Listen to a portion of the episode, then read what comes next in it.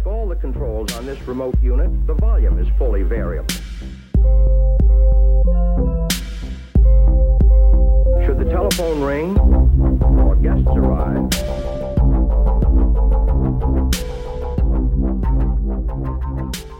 Jag ska berätta lite grann om, om Drottninggatan 7 april.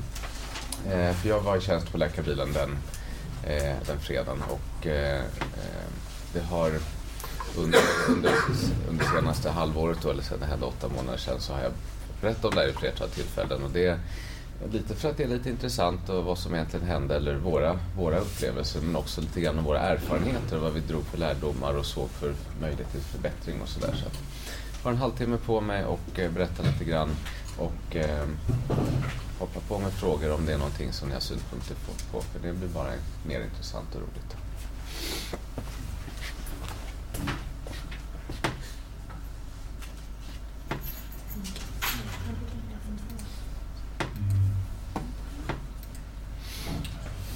Vill ni smyga ut och ta mer kaffe så är det på gång där.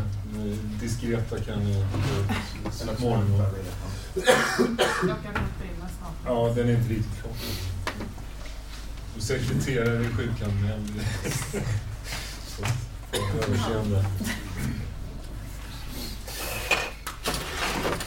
Som ni vet så orsakade ju attentatet fyra omedelbara dödsfall och och eh, eh 15 måttliga till svåra skador och ytterligare en av de här skadade avled sedermera på sjukhus.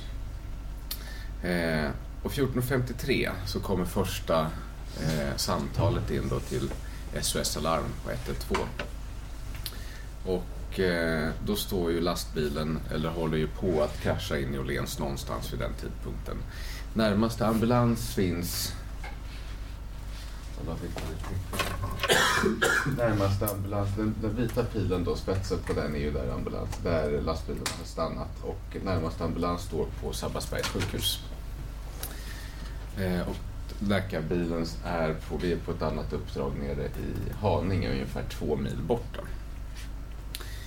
Eh, skadområdet från där de första patienterna hittas till dit lastbilen stannar, det är ungefär 500 meter. Och 14.58 då, fem minuter efter att första samtalet kommer in, då är första, första ambulansen på plats. Och eh, de kommer ju liksom från, från det hållet. Och har liksom, eh, ja, de första samtalen kommer naturligt in från där lastbilen började sin färd och körde på de första. Så att, eh, fem minuter efteråt då, så, så, så kommer de dit och då landar de Förlåt, jag kan ju bara visa hur det ser ut på våra eh, radioapparater då, eller där vi får uppdragen. Eh, så står det bara högenergivåld. Det här är ju ganska generiskt då för den typen av olycka. Det är lastbil som kör på personer, en adress eh, och minst tre skadade. Det är det man vet. Det är vad första har ringt in och sagt. Eh, och det här är då de följande bilderna. Det här är då eh, bara eh, radionummer på alla de enheter som skickas. Eh, och eh, gula inringade då är åtta stycken vanliga, helt vanliga eller akut, akutambulanser. Eh, en ledningsambulans. När det är mer än två ambulanser inblandade på en händelse då ska det också vara en ledningsenhet då, som ska koordinera och samverka.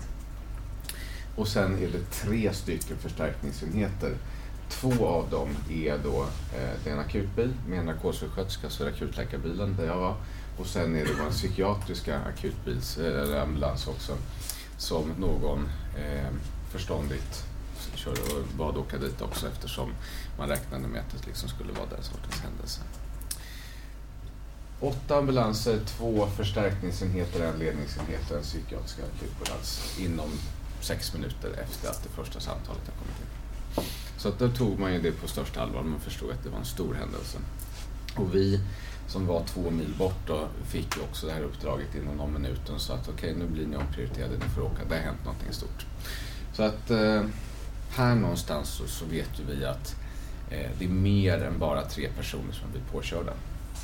Eh, så jag som sitter i akutläkarbilen på, på Nynäsvägen på vägen och Jag ringer till min kollega som är här. Jag vet den här tiden, ni vet fredag eftermiddag, här börjar alla gå hem.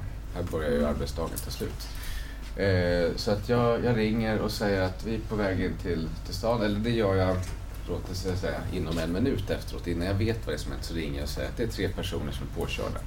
Och min tanke med att överföra det är ju bara att starta inte appen eller skicka inte hem Pierre utan låt dem stanna kvar sådär. Eh, sen tre minuter senare då när klockan, när klockan är ungefär tre, då har man börjat höra radiokommunikationen att det här är någonting helt annat. Så då ringer jag igen och säger att det är någonting jättestort. Jag vet inte vad det är. Men, men ni får liksom, tänka stort. Så, eh, så det gör man ju på sjukhuset, tänker stort. Och ungefär samtidigt så har SOS Alarm också eh, ropat upp alla eh, akutmottagningarna till larmsjuksköterskorna och sagt att det är en stor händelse inne i stan. Så att alla sjukhusen vet att något har hänt, men ingen vet fortfarande riktigt vad. Så här ser det ut när ambulansen, eh, som då också råkar vara ledningsambulansen, de som är först på plats, de landar i det här. Eh, och det är två stycken påkörda människor. Man kan väl ana att det är en, en grön rygg och en liten gul revär. Så att den första ambulansbesättningen från den ambulansen är tittar till den patienten. Eh, den här ledningsambulansen tar ju då ett sjukvårdsledaransvar. De ska inte syssla med att arbeta med patienter utan deras jobb är att inventera. Så att de ser liksom, okej, okay, två patienter, sen börjar, börjar de sin sjuksköterskan i ambulansen börjar sin inventeringsrunda medan ambulanssjukvårdaren i den ambulansen stannar kvar i fordonet och börjar liksom eh, prata radio med alla som är på väg dit, med SOS, ja, informera. Så att det är det här de ser ungefär. Sjuksköterskan på ambulansen då, som heter Victoria eh, fattar ett inriktningsbeslut. Eh, och eh, hennes eh, beslut är då att inventera prioriterade skadade, eh, avskadade och skadeplats och snabb avtransport av, av röda patienter, fulla åtgärder på plats. Det är de två sakerna som hon bestämmer sig för. Och det är det här då som vi alla, alla andra har att, att eh, eh, rätta oss efter. Att vi ska bli av med dem, köra bort dem så fort som möjligt och är det någon som liksom, vi ska, vi ska, vi ska göra allt vi kan för de här patienterna. Det här är... fråga. Ja. Eh, vad hade hon kunnat fatta för annat beslut? Om det inte får åtgärdsplats eller vi, vi transporterar inte någon röda eller vad, vad hade hon för att välja på det? Den där är ju... Ehm, eh, man kan ju till exempel säga att vi ska, ha, vi ska samla upp de röda. Vi ska liksom påbörja eh, mer behandling på plats. Vi kanske ska ha ut sjukvårdsgrupper. Det kanske är så att vi inte kan få in avtransporterande enheter på en gång. Eh, det kanske är mitt i natten och vi har två ambulanser tillgängliga. Då kan vi inte börja transportera bort 17 röda på en gång utan då måste vi börja behandla dem. Fulla åtgärder på plats. Det här handlar ju till exempel om att påbörja HLR. Eh, som vi eh, kanske inte skulle göra om det är katastrofsituation med, med 13 döda så kanske vi, och vi har 12 ambulanser så kan vi inte börja HLR på de 13 för då finns det ju ingen som tar hand om dem som fortfarande har chans. Så där är hennes inriktningsbeslut. Så det här är Victorias eh, väg när hon eh, kommer då. Hon kör från Sabbatsbergs sjukhus och kommer ner hit, stannar hon sin ambulans. Och börjar då inventeringsrundan och hittar två stycken röda patienter, det var de vi såg på bilden. Eh, går ner, korsar Olof Palmes gata, hittar två stycken röda patienter till. Eh, hittar en röd patient precis vid korsningen till Kungsgatan och en, även en avliden. Eh, och kommer då till en butik som heter Sara Home där hon hittar två stycken gula patienter. Och då ser det ut sådär. Går, precis, springer, går. Och det här är de patienterna som hon hittar då. En kvinna med, där är en överkörd hund, eh, en kvinna med skadad fot och en kvinna som är eh, inte helt medvetslös men ligger på marken i alla fall och är liksom ja, skadad på något sätt, lite oklart vad. Men blev gul i alla fall, så att hon är vaken. Eh, och här då, precis där hon är, där eh, händer det någonting med den här lastbilen samtidigt. Om det är att misstanke om skottlossning eller vad det nu är för någonting. Men då bestämmer man sig för att där är det stopp. Då kommer räddningstjänsten och polisen säger att nu är det ingen som går, nu tömmer vi. Liksom, det här är inte ett säkert område. Så hon får vända istället och börja gå tillbaka. Så här nere är det liksom oklart vad som, vad som finns för någonting. Eh, nu är hon tillbaka då uppe eh, på sin, uppe efter sin inventeringsrunda. Kommer tillbaka hit upp. Det har kommit ytterligare en ambulans hit. Man har börjat arbeta med den patienten som ligger i porten. Det är ju den patientens blod som man ser där. Och klockan här är ungefär 15.10. Så det har tagit henne då 14.58 komma hit och vända tillbaka 12 minuter någonstans, 12-13 minuter. För 15.10 då kommer jag med akutläkarbilen och då blir vi dirigerade att stanna och åka hit. Här tar man in de första ambulanserna. Vi fick en adress här. Här finns egentligen ingen, ingen ambulanssjukvård överhuvudtaget. Utan här eh, har räddningstjänsten kommit och eh, räddningstjänsten hade en eh, bil med, med, sin dykarbil. De var på en övning ute på eh, ja, någonstans i stan. Riddarfjärden någonstans va? Ja, precis. Eller samma. Eh, och eh, de eh, har ju på radion att något har hänt så de åker hit. Och här hittar de någon, någon, en kvinna som är med eh, ganska allvarliga extremitetsskador och eh, som är påverkad och som någon har dragit in i en port. Och då finns det en läkare och sjuksköterska där som hjälper till. Och de bestämmer sig för att vi lastar henne i vår brandbil och börjar köra mot KS. Eh, annars så är de första liksom, ambulanskontakterna här bortifrån. Och den situationen som, som vi landar i när vi kommer då, ungefär tio över tre, det ser ut så här. Eh, en uppenbart avliden människa delad i tre delar och räddningstjänsten håller på med HLR eh, på patienter. Så där börjar vi. Liksom. Där, där är det bara, okej okay, nu kliver vi i bilen och ska försöka göra saker. Jag vet ju egentligen inte så mycket. Jag vet, ju, jag vet inte ens åt vilket håll vi ska gå åt faktiskt. Eh, vi vet inte, det, det, det är ju rätt kaotiskt eh, och vi ser att det ligger skadade människor. Och det ser ut så här då. Eh, så här är, är jag och eh, min ambulanssjukvårdare tillsammans med räddningstjänsten och de gör HLR på en patient med en stor skallskada. Eh, kopplar på en defibrillator, asystoli, då bryter vi. För då har det ju gått nästan 20 minuter sedan det hände så då säger jag att nu gör vi inte mer HLR här utan nu får det vara färdigt. Och så tittar vi åt det här hållet och så att här står det fyra, fem ambulanser. Eh, åt det andra hållet så fanns det inga ambulanser alls. Så tänkte jag att då går vi åt det här hållet för det verkar åtminstone vara så där dit vi ska gå. Och inte minst för att anmäla vår närvaro till den ledningsambulans som står där. Så vi ska veta att vi finns. Det här är akutbil nummer två som har kommit till platsen också. Som dirigerades in här. Och sen var det ju då rätt mycket eh, kollegor till oss eller från öppenvård som hade tagit sina väskor och sprungit ut bara. Du, eh, hade du ringt precis när du anlänt och såg hur situationen var? Ringde du igen till eh, sjukhuset? Nej, det gjorde jag inte. Eh, jag visste ju inte så mycket mer. Och, och just här kunde jag inte det. Det finns någon bild senare till mig när vi har kommit hit bort och då har jag telefonen i handen än. Så då försökte jag ringa. Men här börjar ju liksom hela, hela te te telefonnätet att sacka. Därför att alla skulle ringa. Det, det som funkade var att skicka, alltså skicka eh, sms via iMessage och eh, via eh, Messenger och så. Eh, för att de går ju på digitala nätet. De, det, där fanns det mer kapacitet kvar. Men telefonnätet i sig började sacka rätt ordentligt. Och även vårt system med Rakel, alltså radio, det, det radiosystem som alla i, i den här polisräddningstjänsten alla använde, det började också sacka. Det klarade inte heller av den här belastningen riktigt. Eh, här är då tillbaka uppe på eh, liksom den, den, första, den första patienten som är påkörda.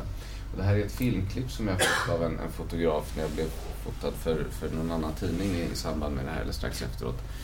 Eh, och han hade liksom varit på plats och tagit ut sin kamera och filmat lite. Så att jag fick den av honom just för att ha och visa i sådana här sammanhang. Har ni använt ljud idag någonting? Nej. Jag ska se så att det inte blir alldeles för högt. Och eh, ja, men jag kan säga, det vi ser är ju liksom eh, en ambulans Jag tror att det är vård precis här bakom va? Och sen är det den här patienten och bystanders med olika sjukvårdskompetens som hjälper till. Eh, och eh, sjukvårdsledarens ambulans där. Så vi kommer in i, i bilden då efter en liten, liten stund här. Så, ja.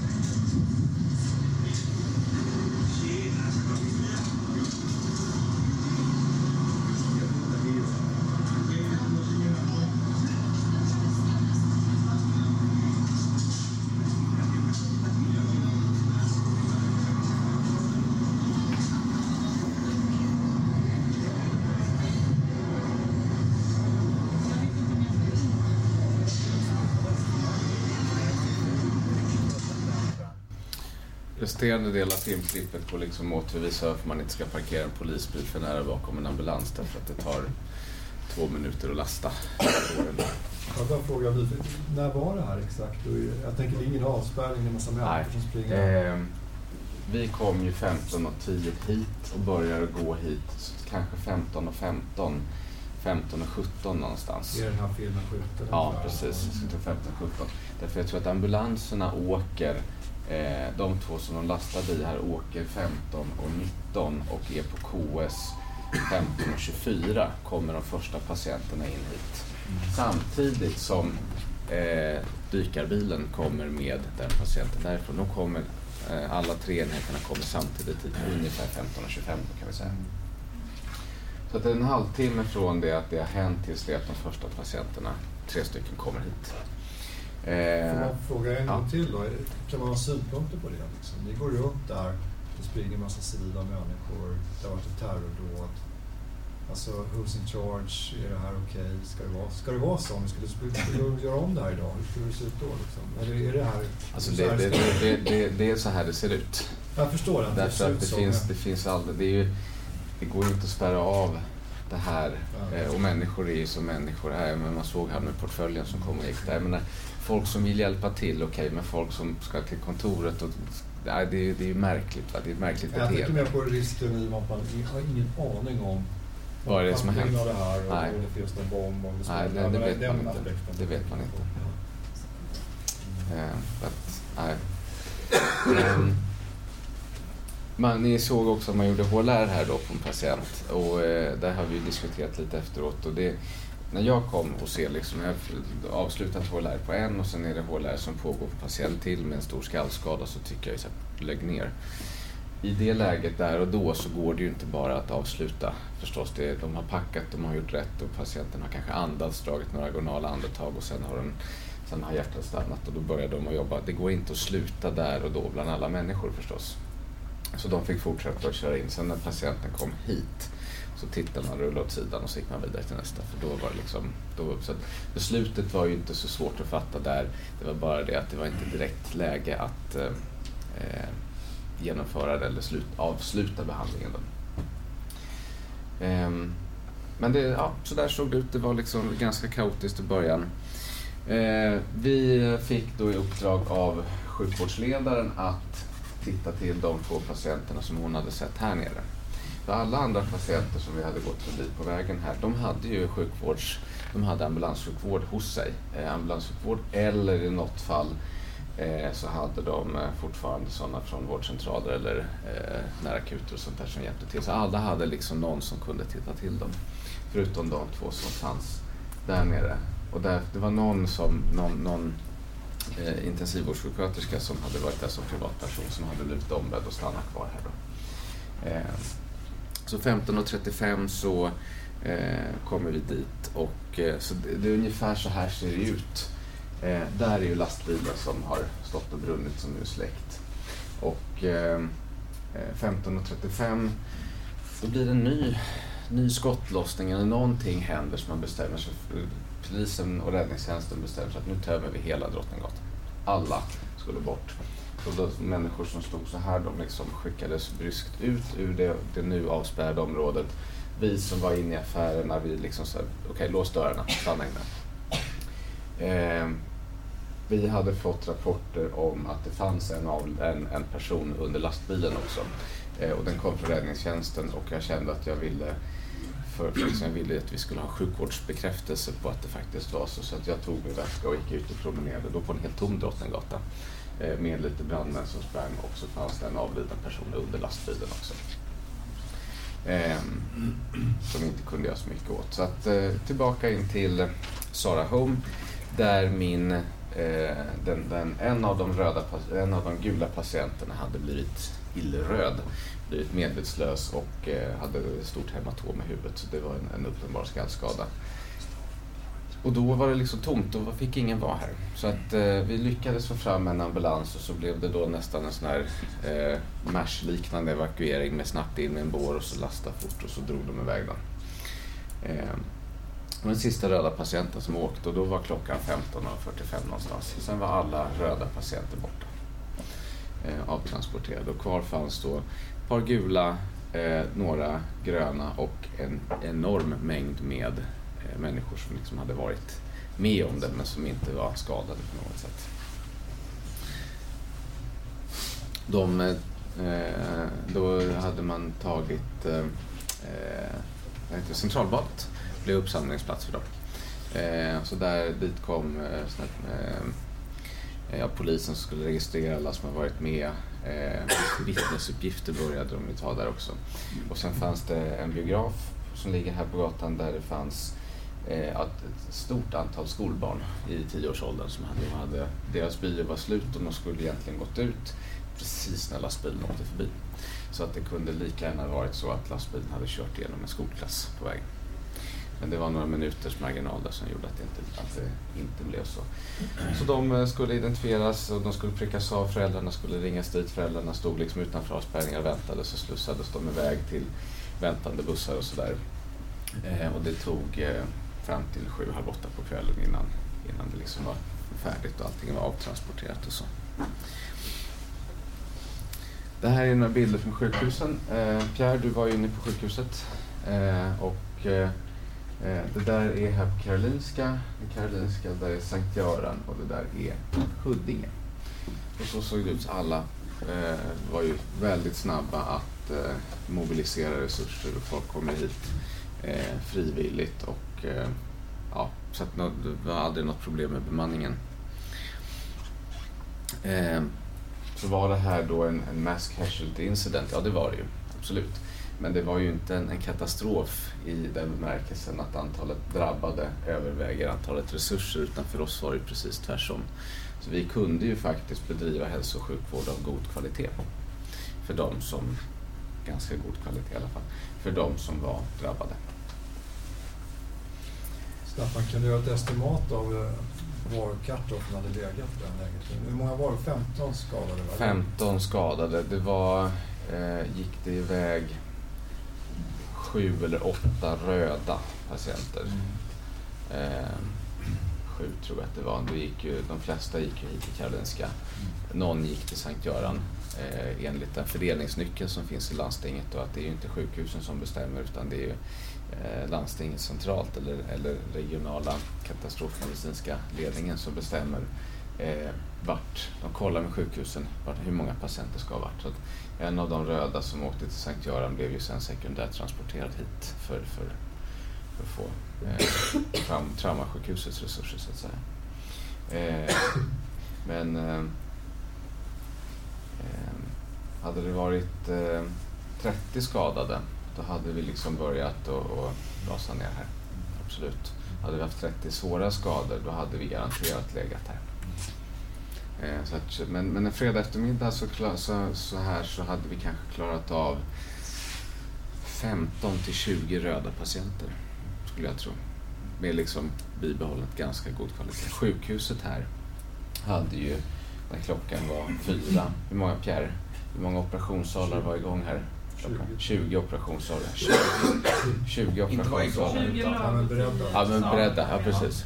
Men det fanns liksom 20 operationslag. Det fanns 10, eller 10 salar var redo och 20 lag fanns och bara Just stoppa det, in. bara stoppa in. Så vi kunde ju ha tagit emot 10 mycket svårt skadade patienter och vi kunde ha tagit 10 till som inte behövde opereras på en gång men som behövde liksom resusciteringstid. Och det var Karolinska. Ehm, men det var ju för att det var tur, det var rätt tid, det var fredag eftermiddag. Eh, De hade ju såna regiondagar för sjuksköterskor, narkossköterskor och operationssköterskor så de gick och mobiliserade hit ganska snabbt. Folk hade inte riktigt hunnit gå hem, folk åkte hit. Sådär. Eh, Men några erfarenheter drog vi av det här. Det här är ett triagekort som man ska använda när man triagerar patienter då, sådär, i en, en masskadesituation. Hur många i ambulanssjukvården, mig inkluderat, tror ni kom ihåg att ta med sina kort när de gick ut och jobbade? Ingen. Precis. Och det gjorde ju ingen skillnad här för att vi hade ju inte fler än att vi kunde liksom vara en, en besättning per patient nästan. Men hade det varit 15 eller 20 skadade. Eh, den här patienten som, det, som jag avbröt HLR på, alltså han hade blivit påkörd 20 minuter innan. Eh, det var precis, det fanns någon, någon ögonvittnesskildring då, men en, eh, som han hade suttit på bussen och så hade de sett att det hände och en var ju död och den, den här killen då som var, skallskadad så hade de börjat göra HLR så hade det kommit någon med medicinsk eh, kompetens, oklart vad, men någon civil som har sagt att det är kört, ni, ni kan sluta. Så hade de slutat göra HLR på den. Men när jag kommer då en kvart senare, 20 minuter senare, då pågår ju HLR igen. Då har ju polisen först börjat göra HLR och sen har räddningstjänsten kommit och börjat göra HLR på någon som någon slutat att göra HLR på en gång. Sådär. Så att det blir så. Eh, de här, man kan ju liksom markera med svart också att de är döda, vilket vi hade varit bra, känns bra i efterhand att kunna göra. Eh, om det hade varit en större händelse så vet man att man hade gjort mer rätt. Här gjorde det ingen skillnad. Eh, sen har vi diskuterat lite om det här med sjukvårdsledning då, att det är ju ledningsambulansen, de är utbildade för att leda och de har medicinskt ansvar. Men när jag kommer till platsen så innebär inte det att jag blir medicinskt ansvarig utan det ansvaret ligger fortfarande kvar hos sjuk sjukvårdsledaren i det system vi har i Stockholm. Eh, och det är ju lite dumt eh, för att om jag säger så här, men jag vill ta medicinskt ansvar, då blir jag sjukvårdsledare också. Då ska jag hålla på och rodda med, med ambulanser och sådana saker och vart de ska åka, vilket ju inte är mina kunskaper egentligen. Utan jag ska ju liksom bara röra mig ute på fältet och syssla med triagering och sånt som, som, som jag är bäst. Det är det som vi kan. Vi ska inte syssla med, med liksom ambulanssjukvården i sig, för det finns ju andra som är duktigare på. Men det där håller vi på att se över i Stockholm FN, så det är bra. Eh, och sen så pratar man lite om ledning på skadeplats. Då ska man ju ha en räddningsledare i rött där, så har man en sjukvårdsledare med grön hjälm och gul väst och som polisinsatschef. Eh, och här har vi en bild och det här är ju de avlidna patienterna då, så att vi står liksom eh, mot eh, Barnhusgatan. Där har vi rö och så här är sjukvårdsledaren, men ingen polis. Därför att polisen, de hade lagt sin ledningsplats här på slottet och lät ambulans och räddningstjänst vara kvar här på Olof Palmes gata. Och det här är ju jättebra att lägga det här förstås, men man kan ju tycka att de borde ha berättat det för dem som också de kunde haft två, två ledningsplatser. För att hade det hänt något här, då hade polisen fått sköta sjukvård och räddningstjänst också, för att den här ledningsplatsen hade ju slagit ut. Sådär, så det, det är sådana erfarenheter som man drar, att man kan alltid prata mer med varandra och synka katastrofplanen. Sen pratar vi lite om det här också, men här har vi ju då, där är Lisa och där är Ludde, Karl Magnus. Det här är eh, våra landets, tre, av, tre av landets mest erfarna traumakirurger som står åtta meter ifrån dörren till ambulanshallen. Eh, samma sak här. Och Var det någon som tog bilden också? Ja, du tog bilden. Precis. Och du, en av våra mest framstående traumanestesiologer fanns ju där. Så ska vi inte glömma. Hade det varit en sekundär attack mot sjukhuset, mot akutmottagningen, då hade vi slagit ut ett stort antal traumateam också. Eh, och nu är ju inte Sverige målet för den sortens uppföljande attacker. Men, men det handlar lite grann om att man ska inte lägga alla äggen i samma korg. Vi ska tänka så i alla fall. Vi ska ha ett sånt mindset när vi arbetar. Eh, och sen så det sista vi har pratat om är lite grann om att facket vädrade ju lite morgonluft här, ett av fackförbunden och tyckte att eh, här kan man ju kritisera de som sprang in eh, på, eh, med, med liksom undermålig klädsel och då har vi fått klä bild för det här. Kortärmat, ingen hjälm, Stefan här har uppknäppta kängor och sådär. Vi klev ur bilen och så att det är döda människor runt omkring oss, vi måste börja jobba. Skulle naturligtvis haft en hjälm, skulle dragit på ärmarna och satt fast dem. Det, men det gör man inte. Utan man går ut och börjar jobba för det sitter folk i bussaronger och tar hand om patienter. Då kan inte vi hålla på och sådär. Och sen så är det ju så att det är ju inte bara polisen. Här har vi förstärkt kroppsskydd och hjälm, eh, bara skyddsväst och hjälm, båtmössan. De, de gick också ut ur sina bilar för att liksom hjälpa. Så att eh, det är lite taget ut sitt sammanhang. Eh, vi säger inte att ambulansen ska skyddsfästa, skyddsvästar, absolut inte, men vi, vi ska börja prata om hur vi vill ha det, bara så att vi är medvetna om det. Och det gäller inne på sjukhusen också. Hur ska vi handskas med potentiellt farliga situationer? För det blir vanligare och vanligare. Folk kommer beväpnade. Vad händer om det kommer in någon på akuten skjutsad utav vänner eh, och sen så har de en handgranat i fickan? Hur agerar vi på sånt? Så att det, vi måste börja tänka lite mer på det sättet över, eh, från, från även i ambulanssjukvården men även inne på sjukhuset. Så att det vi lärde oss av det här var man måste vara medveten och man måste vara förberedd. Det är två ganska bra ord som ändå eh, speglar rätt mycket vad det här handlar om i, i det, det, den, den värld vi lever i idag. Att vi måste vara tränade och vi måste vara medvetna om att eh, dåliga saker kommer att hända. Bra. Yes. Jag måste bara, jag tyckte det var för tre, fyra veckor sedan så var det ett här Nordic Trauma Imaging-möte här i, i Mm. här. Ja, och det var Karin Broyer som är väldigt känd traumakirurg i London på Royal London och föreläste där. Då, han sa precis det som du sa med äggen då, att eh, i Norden generellt sett så är vi otroligt sårbara i det att vi har så att säga, ett traumacenter i Oslo, ett i Köpenhamn och ett i Stockholm. Och slår man ut det så är det ju rökt stor del så att säga. Och, ehm, och det är ju väldigt lätt att göra det. Och han berättade om att en cyberattack på Royal London i februari som slog ut sjukhuset i 48 timmar kan man säga. De, de funkar något sånär men det var ganska lätt att liksom klick bara så. Det. Och, ehm, så det är en väldigt viktig aspekt. Vi har jobbat för att få ihop trauma, centralisera det, vilket naturligtvis är hälsobringande. Men vi måste också ha någon slags plan B för de här situationerna. Man kan inte lita på att KS kommer funka alla vägar. Liksom. Nej, vi kan ju inte ens lita på att vi själva har ett fungerande IT-struktur. Eh, och då har vi ändå ett folk som arbetat för att det ska funka. Det andra sa också så, så Lennart, det där med testeringen. Det här fallet till olika Ja. färger och så vidare. Så Lennart Adolfsson pratade med honom. Så, sa vi, London har vi slutat med det. Vi har ett walking trauma, small hospital, non-walking trauma, trauma center. De har Mm. två liksom. Ja. Och, eh, och det är det enda som funkar. Det var ju så det, var ju så det blev här också, faktiskt. Eh, Så man kanske borde förenkla det där. Ja, absolut. Men alla system har ju förbättringspotential och det kanske är så att man, man det var ju så vi tänkte, ligger ner och röd och sitter upp på en stol med en bruten arm, gul. Så, så att eh, man kanske skulle ha bara två färger. Det var ju massa folk som kom som var i jobb i närheten från de här nära akuterna Ja. och Cityakuten och så var det sjukvårdspersonal i civil som Ja. kom till. Är det en hjälp för er? Ja. Eller? Ja. Ja, det är det absolut. Därför att de, de, de, de har ju inte verktygen och de kanske inte ens har handskar på sig men de är ju ändå, de är ändå vana. De kan vara liksom bra medmänniskor. Eh, om det nu är sådana som är vakna och inte håller på att dör så kan de hjälpa till. Och håller de på att dör så kanske de kan hålla en fri luftväg och liksom göra basala saker som vi vet är livräddande. Och sen så när ambulanserna kommer så, så vi har ju också en trygghet i att det finns människor som, som är vana. Eh, då kan ju vi dela upp oss också, kan man hjälpas åt och sådär. Så att ja, ja, det är bra. Mm. Absolut.